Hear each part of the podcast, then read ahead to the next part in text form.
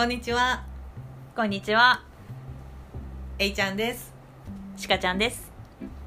今回は第3回、はい、第3回、しかちゃんとえいちゃんのレディオ。Radio。毎回こういう笑い声で始まるね。うん。今回のテーマはね、えー恋バナです。いや、前回の深い話題から、姿勢感うんだいぶ変わりまして。そうなの。前回はね、そう。私結構前回の放送を聞いてみたんだけど、うん。しかちゃん聞いてみた？聞きました。いかがでした？意外といいこと言っとるや自分で言うか。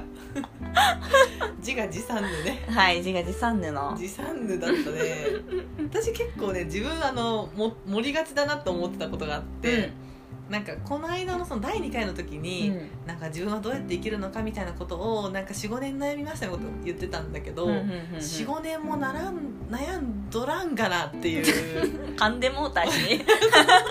ならんどらんどらん。あのね45年悩んでないごめんうん。あのね実際悩んだのはね23年だあ、でもまあまあ、一緒だよ。ちょっとねああ言っちゃったってね思ったところは、あいいよ。うん。許す。ありがとう。今回の恋バナのテーマはえーっと異性と付き合う時のハードルの変化についてです。この人とは付き合える、うん。この人とは付き合えない。うん。どう変化してきたのか、まあ、あるいは変化したのかどうかっていうことですね。そうなんです。なんか最近気づいたんですけれどもはい。こう誰かと付き合うとか、うん。まあ、誰かと両思いになるっていう時うにん。すごく小学生とか中学生の時は、うんうん。あー彼のことが好きだなって思ったら、うん。勝手にドキドキしてうん。なんか告白してうまくいったりいかなかったりして、うん。なんとなく登下校一緒にするみたいなうん。お付き合いがもうそれだけでハッピーに始まってたわけじゃないですか。はい。ただ今はその向こうの年年齢とかうん。職業とか、なんかあお家どこに住んでるのかなとかさ なんかそんなことまで確かにお育ちはとか。そうなのよお育ちは？なんかそういうことまで気にしてその、好きか好きじゃないかっていう本来のうん。付き合う基準以外にもいろんな基準がうんうん。できてしまっている世の中だと、乱立してますよ。うん、思いましてはい。これについて喋ろうと思ったんですねいいと思います。そう。で前半はお付き合いする時のハードル。うん。後半は結婚する時のハードル。いいですね。はい。で分けていこうと思いますので、はい。えー、と質問を3つ用意してます、はい。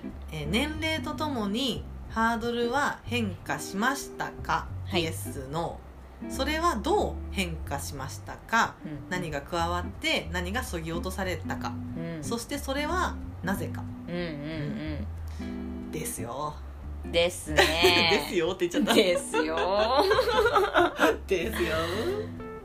ええええええこれはねはい。最初の質問からいこう。そうですね。うん。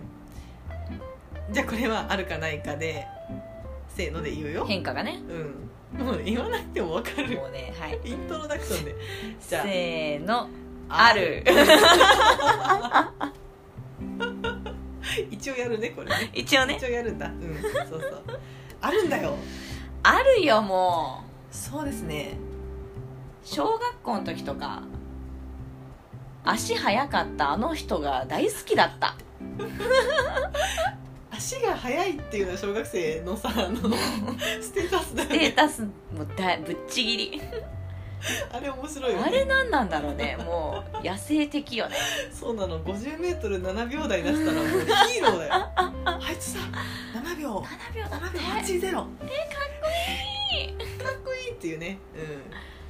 そうん。う。ん。そうだったね。で、うん。次に多分頭の良さみたいなのとかあとか顔のかっこよさとかうそうだね。そういう感じだったよね女子のそうですね。判定は、うん。ね男の子はどうだったんだろうね。男の子どうだったんだろう。うちらはさ足の速さ。え男の子何だったんやろね。何だったんやろうね、うん。聞きたいな。うん。なんだろうね。髪の毛の長さとか。髪型。髪型。なんだろうな。ねえ。それはねやっぱり社会人にな私はねうん。あの大学まではうん。正直それまでとあんま変わんなくっうんて、なんかあの本当にもう小中高大うんうん。はちゃんとお話ができる人だったらいいなとか、うん。私のやりたいことを尊重してくれる人だったらいいなっていう、うん。なんか本当に楽しく時間を一緒に過ごせたらいいなっていう、うんうんうん。そういう感じだったんだけど、うん。社会人になってからやはりなんかいいかなるお仕事をされていいらっしゃるんですかっていうことになっちゃったんだよね。悲しいかな。悲しいかな。うん。なんかそれがさ例えばすごく転勤が多いお仕事とかそうね。全然お家にいませんみたいなお仕事だったらそれは私はそれでいいんですかっていうのを一回ね考える。にライフスタイルに関わるもんね。そうなの。だってさその学生時代って大体やっぱ近いところに住んでるじゃん、うん大学でもさやっぱ通ってるからお互いね、うん。だからお互い通える範囲に家がありますよっていうのがまあ、うん。結構前提だったけれどもやっぱ社会人になると、うん。まあ、思いもよらぬところから出会いがあったりもするし、うん。そうなると全然、ね、遠いところにいる、うんだったらライフスタイルも合わなかったらいつ会うんやと。間違いない。そういうお話になってしまうじゃない、うん。うんそれちょっとね変わった。学生と社会人の境で私は変わった、そうだね。うん、確かにな。推しか殿は？私はねうん。多分高校と大学の間らへんで変わりうん。高校生までは私はあの時マジ何を考えとったんやろうっていうぐらいしょうもないことでえー、何何？なんか知りたい自分で勝手にあの人かっこいいと思うってよくわかんないのにペロンって口に出していってえ？で自分で言ったからあ私あの人のこと好きなのかなみたいなえ？ー自分で催眠にかかるみたいなのとかあったし。え？っていう。でも誰々君の何が好きなのって言われてえ？よくわかんないみたいな。え？でもそれはでもさどこかに本当に好きな気持ちはあったでしょ？多分でもなないとさ。いやいやいやそうねあったんやと思あったじゃろう。ううねそれは。わかんないけど、うん。顔かな？みたいな。あー多分それ顔じゃないね。顔じゃないんだよ多分。そうなんだよ。そうなの。ちょっとよくわからない謎の理由で人のこと好きになってた節はあったけど、えー、面白いねでもうん。なんか恋愛をするという憧れに恋をしていたみたいなところもあったのでああそれはわかる。うん。わかるなのでちょっとよくわからないまま人好きになったりもしました。うん。えっ、と大学生になってからはうーん。まあアメリカにいたというのはとても大きくて、うん。自分の中で本質の部分を見てくれる人自分のことを本質で見てくれる人も好きだなってこう好きになりたいなっていう対象になったし、うん。相手も見た目とかっていうよりもいかにお話深くできるかっていうのになった。で長い将来まで重たい女ですいませんけども。言うた。びっくりした。重たい女です。いませんけれども。あの長い目で将来を見据えれるようなあこの人となんかこう人生のフェーズフェーズを過ごしていくの想像できるかなといううんうんのがあるねなんか鹿ちゃんの場合はじゃあそのまあ、高校生の時あまりもうもはや自我がなかったレベルの バブバブしとったバブバブしとってでは大学アメリカって全然違う環境のところに行って、でそのさ内面っていうのは、なんかそれこそ本当に自分と全然見た目の違う人たちの周りでういたわけじゃない、うん。それは関係あるの？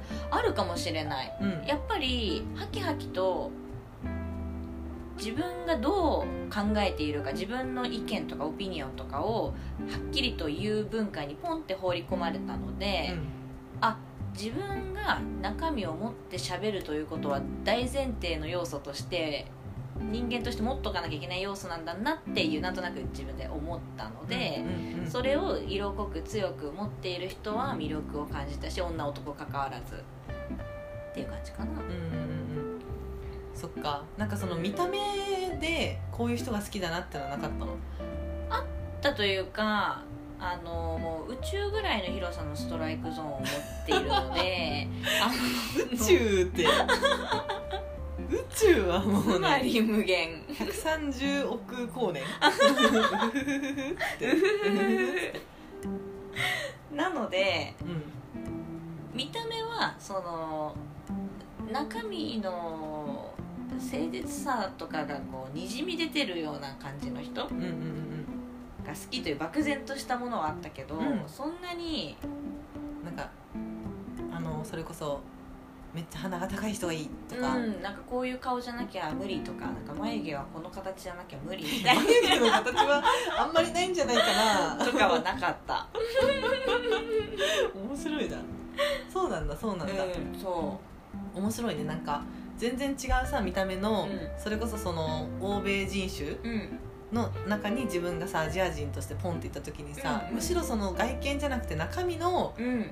そのこういう人がいいなっていうのが浮き彫りになるっていうのは面白いね。あー確かにそうだね。うんうん逆にねうん。うん見た目違うからもう、うん。そうだね。見た目がすごい全然いろんな人違うからこそ、うんうん本質の部分人間味という部分で人を評価、評価って言ったらおこがましいけど、人をね見るというか、時に使ってた尺度がやっぱ内面になったんだろうね。うん、うんうんうんうん。うん。面白い。そっか。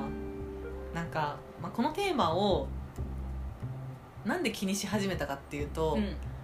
なんか付き合うとか、うん。付き合わないっていうことを考えた時になんかすごいね。全然気づかずになんかこの人はお仕事こうでうん。どこそこ住んでてうみたいなことを考えている自分にちょっと愕然としたんだよね。そうよね。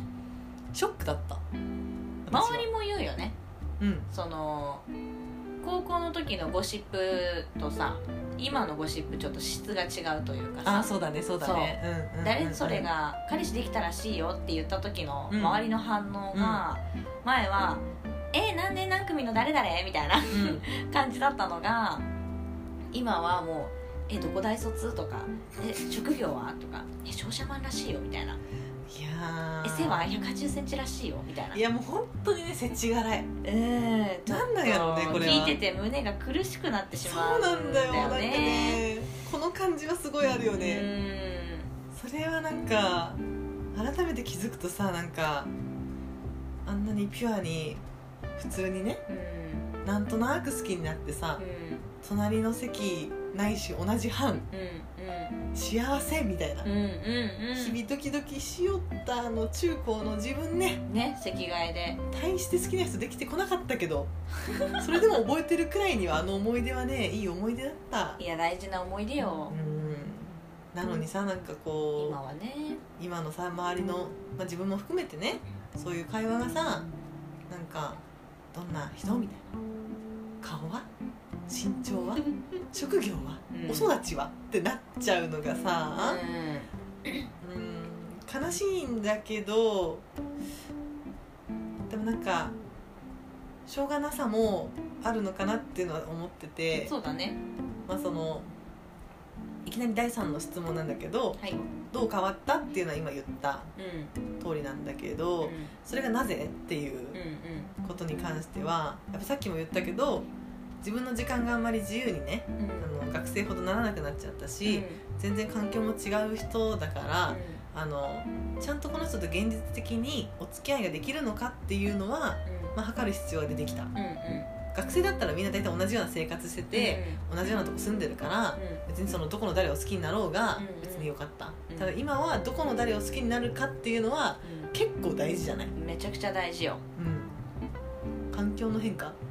そうだね。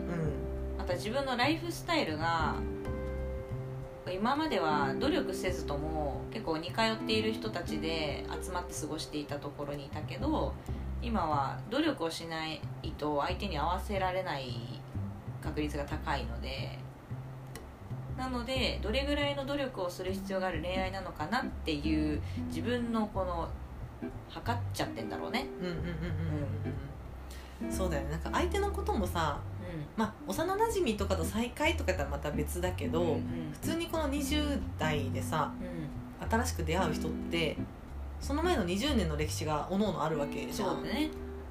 まあ、バブバブしてた時はうん。記憶ないかもしれんけど、はい。だからなんかそれを知りたいっていうのもあるよね、うん。うん、なんかどういう育ちだったとか、うん。ちっちゃい時に何をしてたかとか、なんか、まあ、将来何を目指していて、うん。どんな夢を持っていて、何が好きで何が嫌いとか、うんまあ、相手を知りたいっていう意味での、うん。その指標としてうんうん。さまざまな各種条件が頭角を表したっていう説もある。なるほど。だからその例えばその人がね、うん。えー、と農家だったとするじゃん、うんうん。だったらそのなぜ農業に、えー、と興味を持ったのかとか、農家だったら今例えば収入がどのくらいあってまあ。それは将来どうしていくつもりなのうんか、うん例えばそれがめちゃくちゃ儲けたいとか思うんだったら、うん。なんでってなるうんし、確かに。なんか全然あの生活できるくらいでいいよってなったら、うんあそれなんか人生のお金じゃないやつを大事にしてる人なんだなって思うだろうし、なんか例えば収入とかそういう生々しい基準一つとっても、なんかそれから見えてくるものってすごいあるような気がする。うんそうだね結構この年齢になるとさまざまな要素が積み重なって反映されたもの肩書きがいろいろ存在してしまっているのは事実なので、うんうんうん。その人の生い立ちとかこれまでの歩んできたものの集大成が響いているパーツがあるよね、うんうんうんそれがやっぱり正直身長はまあ知らんけど。収入だったり、うんちょっとあの言い方は悪いけれども、うん。収入だったり今学歴だったりっていうところにうん。人の注目がいっちゃうのも正直しょうがない部分もあるのかなと思うけど。わかる。私さねその学歴っうん。てすごい思うんだけどなんかね学歴が偏差値が高いから偉いっていうのは絶対に違うんだけど、自分は日本であのちゃんと受験をしてきたから、うんその大学に入りました出ましたっていうのが、まあ、どれほどの時間と労力を要するものなのかっていうのがもちろん人のもともとの素質はあれど、うん。大体やっぱ分かる。なんとなくね、うん。うん。でそれが、あのーすごければやっぱそれだけでこの人ちょっと我慢強いんだろうなとか、まあ、努力を続けられる人なんだろうなっていうのが分かるし、別に全然あの俺はもう学校とかそういうの関係なく自分の道でここまで来たんだいっていうさ、うんうん。あの大学とかもなんかろくに行ってなかったけど、うん。起業しましたみたいなね、うんそういう人も世の中にいるわけだからなんか一つの基準ではとてもあるなと思っていて学歴は、なんかそれまでの受験とかさうん。学校選びってめっちゃ時間かかるじゃん。うん。だからそれにはやっぱり努力も必要だしうんその人の価値観をうんちゃんと研ぎ澄まさなきゃいけない作業だと思うから、そういうの聞くとね結構その人の人となりが分かるし、うん。うん。うん、そういう意味で私は学歴は気になる、そうだね。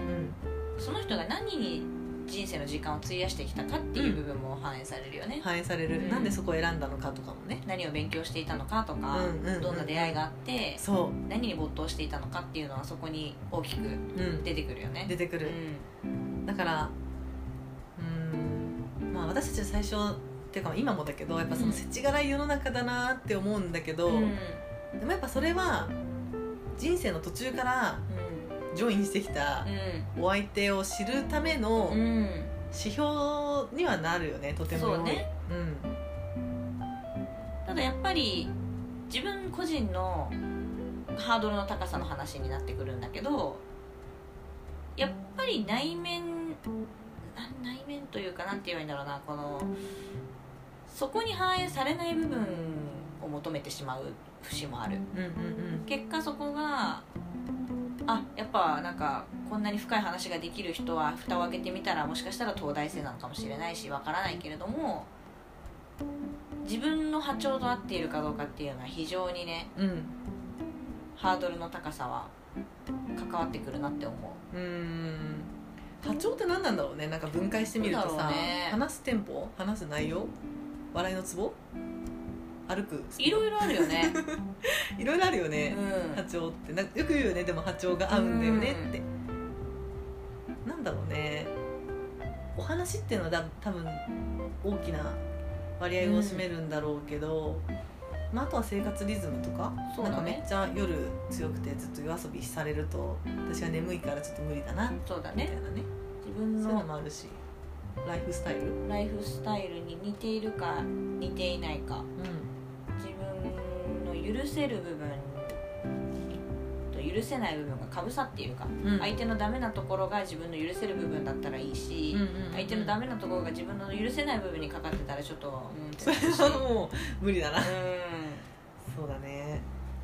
なんかまあなんか基準がんうんなんか明確に出てきすぎちゃってうん。ちょっと嫌になる時もあるんだけど、まあ、それはあのちゃんとねそもそもその人のことが好きかどうかっていうことをうん。忘れずにあの大事にしろよという自分への戒めとともに有効なあの測るメジャーとしてねうん。その条件一覧を見ていきたい。うんうんうんうん。鹿ちゃんはなんかさあるの？条条件じゃないけどハードルじゃないけど好きなタイプ？好きなタイプ？お付き合いできるかできないか？そう。お付き合いできるかできないかの究極は結構私はねあの次の質問にちょっとかぶさっちゃっているんだけれども。次の質問というと結婚に関するハードルですね。はい。行きましょう。結婚に関するハードルと付き合いに関するハードルは私かなり似通ってまして。うんほぼイコールなんですけど。おうあんま変わんない。うん。となるとじゃあ結婚できるハードルは何なのかってなるとざっくり簡単に言うとまあ例えばこの人とえっ、と結婚したとするじゃん。で子供が生まれました。こちか小鹿が生まれたと。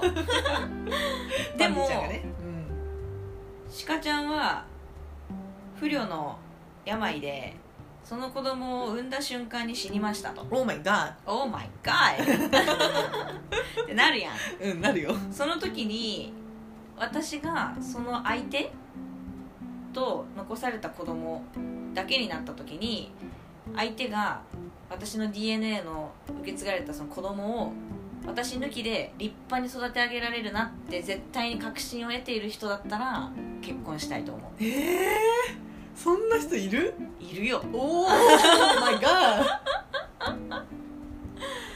でそういう人となら結婚したいと思うし、うん。そういうさまざまなあの要素を持っている人と付き合いたいなって思う、ーああなるほどね、それはあの子供の話が出たけれども、はい。あの面倒見がいいとか子育てに参画してくれるとかその、うん今のは鹿ちゃんが死んだらっていうさ結構あの エクストリームな話だったじゃん、うん。そうじゃなくてもうちょっと現実的な線に戻すと、うん。あのなんだろうかちゃんと人のことを面倒見てくれて、うん。あの頼れる人っていうことかな。そうなんだけどなんかね子育てがをしてくれそうな人という意味というよりかは、この人人間として尊敬したいなできるなっていう人でその私の価値観の中のこういうことを目指したいっていう要素を持っている人。うんうんうんだからこういう人になりたいなって自分の中でいろいろな価値観がこう散らばめてるんだけど、うん。それをいくつか持っている人っていうのは大前提だし、うん。あとはもうなんか尺度が似ているその誠実さだったり、なんだろう。ポイ捨てしたりしないとか。うん？うん？え？ポイ捨てしないみたいな。個室？ポイ捨てあポイ捨てなん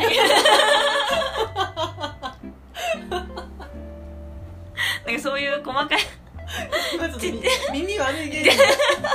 えポポポイスあえっとポイポイ捨てです。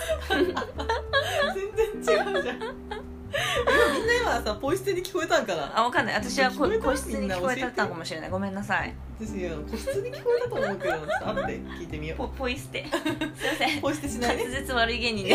お互いこれポッドキャスト向いてない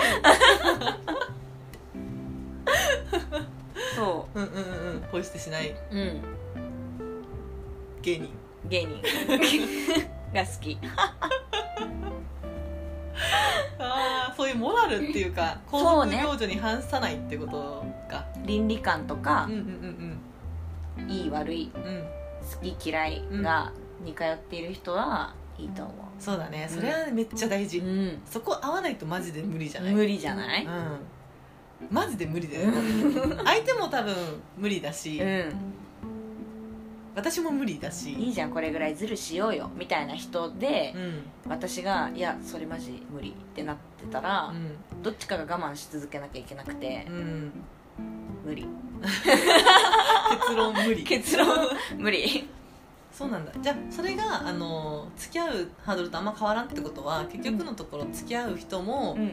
えー、とそういうモラルというか根本的なところがあっていて、うん。その自分の尊敬できるようなポイントがポイントが。あの散りばめられていてっていうことか。そう。だからすごく重たい女発言するけど、うん。結婚したいなって思えない人とは多分付き合えない。うん、そうなるねそうの、んでもいいんじゃないなんか便利じゃんそれ。とても便利。あとはもう婚姻届をね。とても便利。婚姻届の紙ペラ1枚持っ紙ペラてくれば1枚でもう入大力丈夫。うん。ができる、うんそっか面白いな。えちゃんは私はねちょっと変わってしまうかもしれない結婚と。お変わる？変わる派？変わる派だね。おなんかさあの付き合うって私はやっぱあまり結婚に比べたらだよ、うんうん。責任がないと思ってるのね、うんうんうん。もちろんあるあるけど、うんうん。比べた時にやっぱ結婚よりは責任が軽い行為だと思ってるの、うんうん。お付き合いをするというのは、うんで、えー、と私は結構自分のライフスタイルとか自分のやりたい仕事などなどが、もうプライオリティのナンバーワンナンバーワンもうねトップに来ちゃってる人間やから、うん。結構そこら辺は自由にさせていただかないと、うんと思っている、うん。それは付き合っている時は多分ある程度自由にしてもいいと思うんだよね、だけど結婚するとなるとでもちろん子供ができたりすると本当に共同作業だし、うん。一緒に暮らすっていうのも共同作業だと思うから、うん。なんかそこに対していろいろな折り合いをつけていかなければいけないわけ、うんうん。だからそれはもちろん私もしなければいけないし相手もしなければいけない。っていうのをちゃんとつけられるか、うん。その話し合いがちゃんとできて、うん。お互いに、うんまあ、我慢することもあるだろうけど、うん。ちゃんと気持ちいい関係を保っていけるかっていうレベルの深さのうん。人がいいんだよね、うん。付き合うにあたってはそこまでの深いレベルうん。は求めなくていいと思うなるほど。別にその結婚したら、まあ、別居婚とかさうん。いろいろなやり方は今の時代あるけども、うん。まあ、結婚したら一緒に暮らすという前提のもと今喋ってるんだけど、うん。付き合ってる時は別にさどのくらいの頻度で会おうがうん。別に好きにしたらいいわけじゃない、うんうん。で、まあ、忙しかったら会わなければいいし、うん。まあ会いたかったら会えばいいし、結構その私のライフスタイルに相手が干渉してくる余地はないと思ってるのね、うんうん付き合ってる時はあんまり。ただ結婚とかになるとさまざまな共同作業が発生するので、現実的に私も折り合いをつけなければならぬなとうん。ぼんやりと思っているわけで、うん。そういった時にちゃんとお互いの納得のいくライフスタイルを追求できるかどうか。うんうんこのこれが大事だね。あじゃあやっぱとても結婚の方がハードルがバーンって高くなるね。なっちゃうね。なんかなっちゃうね。そうだよね。そうだよ。だって結婚する人はさうん。もうその人一人と結婚して人生を終える勢いでやるじゃん、勢い。勢いで。まあね普通はね、うん、普通はそういう勢いでやうる、ん。でお付き合いはねそこまでの勢いはないと考えると。そうなんだようね、んハードルはやっぱ下がる。これ私は結婚がはい。できでない。きない。できあれ？これできない。あー。できないんかな。まあ分からんけどね。いやできるっしょ。できっしょ。いけっしょ。いけっしょ。結局ね。